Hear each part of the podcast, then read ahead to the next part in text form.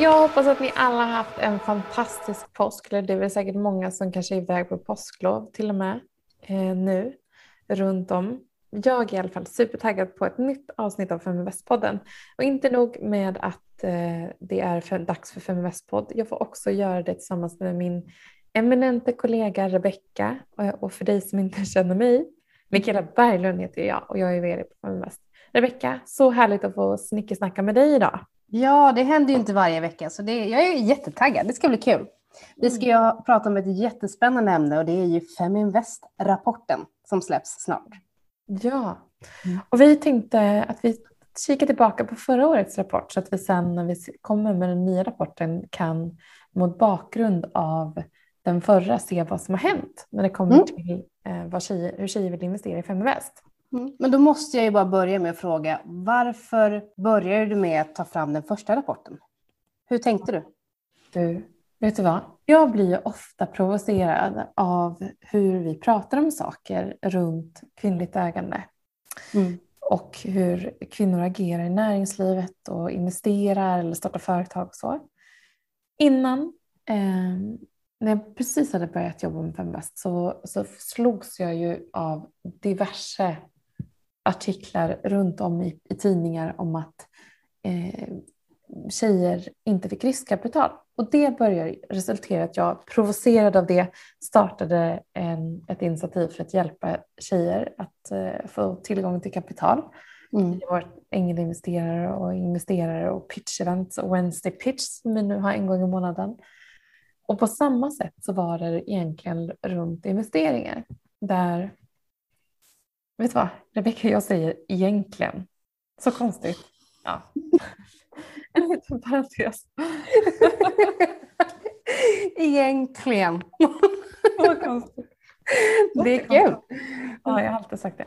Men i alla fall, och då så, så läste jag liksom om hur lite kapital tjejer investerar. Så tänkte jag, men om vi fortsätter att prata om att tjejer ser på det som en, en risk och att man inte vågar, då kommer vi inte komma någon vart. Mm. Vi måste börja prata om hur tjejer investerar istället. Det andra eh, hör till historieböckerna. Och det var bakgrunden till att vi tog fram den här första eh, Fearless and Sustainable-rapporten som mm. kom ut för ett år sedan och nu är vi snart ute med en ny.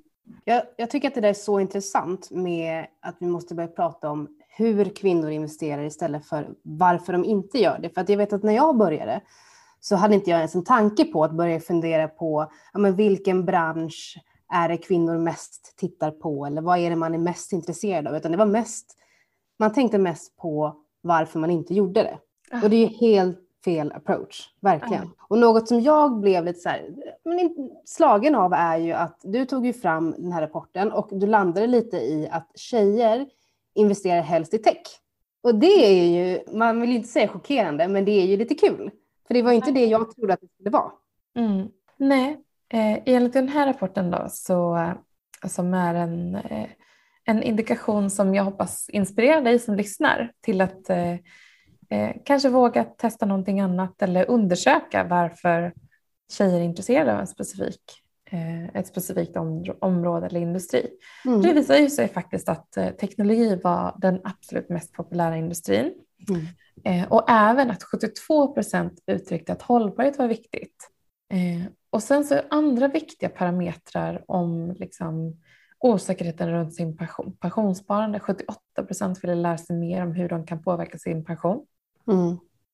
Eh, så att, ja, väldigt kul. Vi kan ju dyka ner i den lite grann och så kan vi se för att eh, mm. eh, det finns ju en hel del spännande tankar där.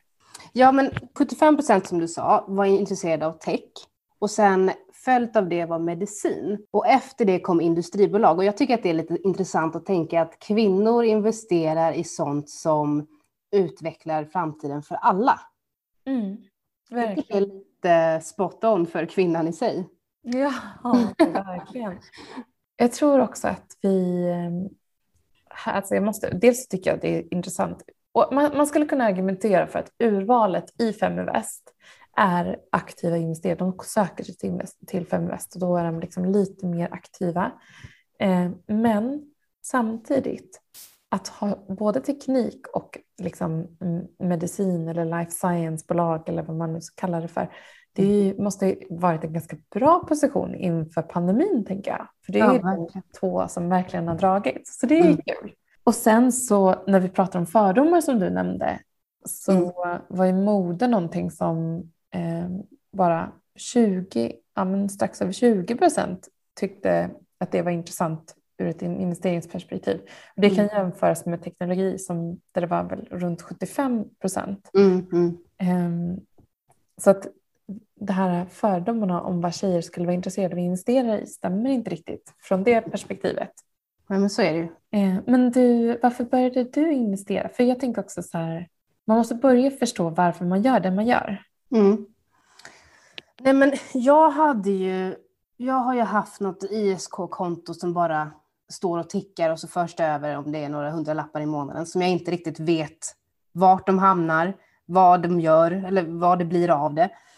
Och sen efter att jag speciellt började jobba på Feminvest då, blev jag mer intresserad av att, att välja ut egna bolag och sen se sitt kapital växa för att man själv har valt det. Det tycker jag är jättekul. Att så här, både, nu är inte nedgången lika roligt, men det är ju intressant.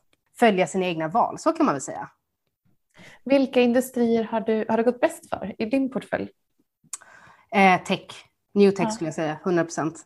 Ja. Jag valde några bolag förra året. Det har inte gått lika bra i år som förra året, men, men jag har ju en sambo som jobbar på Northvolt och därför har jag blivit lite mer intresserad av just den typen av teknik. Nej, vad spännande Rebecka. Du är verkligen inte modeinvesterare med andra ord, även om man absolut får vara det man ska ju utgå från bolag som man känner till och, mm. och känner sig trygg med. Eh, enligt den här undersökningen, rapporten som vi tog fram då förra året, så var en väldigt liten andel av de kvinnliga investerarna eh, kortsiktiga. Många av dem hade en, en långsiktig sparhorisont eh, eller en kombinerad investeringsstrategi, liksom, mm. både kort och lång sikt. Eh, så man kanske köper och säljer några aktier som är lite opportunistiska. Jag tänker som du säger, elbilar eller självkörande fordon eller så. Mm. Eh, det är ju just nu en spännande trend men man vet ju inte alls vad som kommer att hända om, när, när vi, om man skulle liksom ha en, en eh, en spåkula. Nej men exakt. Och med det, jag menar regulatoriskt så, så sker det väldigt mycket som gör att man, man kommer se en snabb förändring på det området. Ja, det är väl lite som du säger, marknaden är väldigt volatil när det kommer till den typen av teknik. Jag har ju sett det själv i min portfölj, att det, det är också de som har dippat mest nu i år och sen gått upp igen. Så att det går ju verkligen, man står ju lite på tårna och väntar på vad som ska hända. Ja, verkligen. Hur, hur tänk, tänkte du förra året? Jag har ju faktiskt valt att gå ut med min hållbara portfölj och det är inte, jag har ju en egen liksom, portfölj som jag inte, som jag inte visar upp så eller pratar om det innehavet så mycket. Men mm. sen så, alltså återigen, jag inser hur reaktiv jag är på att jag får mm. liksom en, här, någon måste göra någonting. Och det var ju så med min hållbara portfölj också, att jag tänkte så här, det finns så många olika tankar om vad hållbarhet är och det är så mycket frågor runt det. Eh, att man inte riktigt vet vilken typ av investeringar som är hållbara. Mm. Men jag gör en hållbar portfölj mm. och så berättar jag hur jag tänker om respektive innehav så får man liksom haka på eller inte. Eh, och eh, den, eh, den portföljen startade jag ju precis innan pandemin. Eh, men jag var ganska, jag ska säga så här, personligen så var jag ganska opportunistisk. Jag tänkte att det skulle bli en ganska snabb uppgång, att det var en kris liksom vad ska man säga, inte en, en långtgående kris. Jag trodde nog att det skulle, liksom, våra liv skulle återgå till det normala vid det här laget till och med. Eh, lite naivt. Men jag kommer ihåg då pratade man om så här, ja, men eventuellt en andra våg. Man bara, tre, fyra, fem. Ja. ja, verkligen. Man har ju förändrats där. Men det mm. gjorde att jag liksom tog lite risk och och köpte lite sådär innehav som jag tyckte att det drabbats extra hårt. Men sen ska jag också säga att man har ju olika perioder i livet och det är också viktigt att förstå att man måste inte vara, jag till exempel har, jobbat alldeles för mycket nu en period och det har gjort att jag hinner inte. Jag blir bara så här, att gå in i aktieportföljen har nästan varit ytterligare en sak på min to-do-list och kolla mm. eller köpa eller följa med. Så jag har liksom inte, även om jag tycker det är väldigt kul, så har det varit, och det är också viktigt att eh, ha en förståelse för det, att man, livet ser olika ut i olika perioder. Ja, det kan väl också vara lite farligt tänker jag när man om man helt plötsligt ska vara lite opportunistisk och köpa sig in i något som, som pikar just där och då. Och sen så kommer man in i en funk och så går man inte in på ett par veckor.